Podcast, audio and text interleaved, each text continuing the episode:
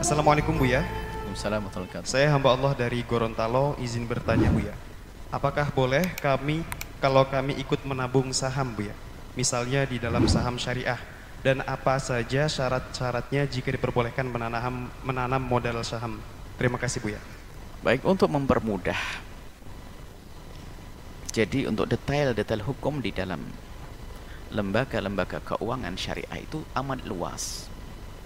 Akan kami kasih rambu-rambu sederhana. Sebagai orang awam kita ini sudahlah pasrah. Insya Allah.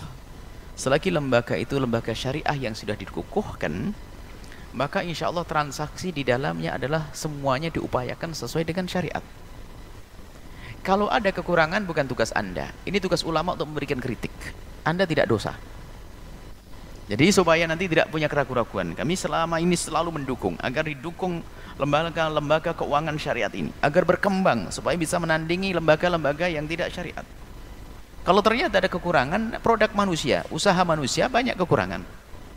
Yang jelas banyak kelebihan kalau Anda investasi atau ada saham di lembaga-lembaga keuangan bank syariat. Contoh saja. Kalau di lembaga syariat itu dia tidak akan menanamkan modal investasi kecuali di usaha yang halal. Coba kalau bangsa yang tidak syariat.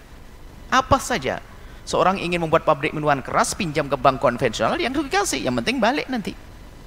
Tapi kalau bank syariat nggak bisa. Yang ada hubungannya dengan syariat. Maka secara umum kami himbau kepada siapa pun untuk lebih peduli dengan semua yang pakai label syariat. Kalau Anda dibohongi yang salah yang bohong. Maka di sini kita sebagai orang awam ngikuti lembaga-lembaga syariat, produk-produk yang di lembaga-lembaga syariat insya Allah itu adalah halal. Jika ada yang kurang, maka itu tugasnya para ulama. Maka kita pun punya kritik kepada lembaga syariat dan mohon didengar juga kepada lembaga syariat kritik-kritik mereka kami sampaikan itu. Jadi tugas para ustadz yang mengkritisi mereka untuk membangun agar semakin sempurna, bukan gembosi, bukan menjauhkan orang dari ini. Kalau seandainya belum 100%, anggap saja 80%, lumayan 80% syariat daripada 90% non syariah. Biar benar. Masih lumayan syariatnya itu. Jadi ada syariat-syariatnya. Jadi seperti itu. Jadi Anda ikuti saja. Kemudian tentunya dia resmi yang atas dasar syariat. Sebab kalau yang resmi itu ada aturan-aturannya. Tapi kalau syariat-syariat yang dibangun di kampung aneh. Yang nggak ada resmi nggak ada panduannya, nggak ada yang diikuti, hanya labelnya saja syariat tapi ngaco.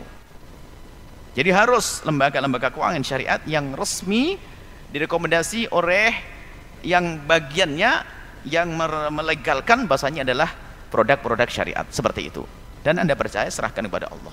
Kami rambu-rambu umum semacam ini jangan sampai ada yang berusaha untuk gembosi atau menghilangkan kepercayaan uh, apa umat kepada lembaga-lembaga yang pakai label syariat Allah alam.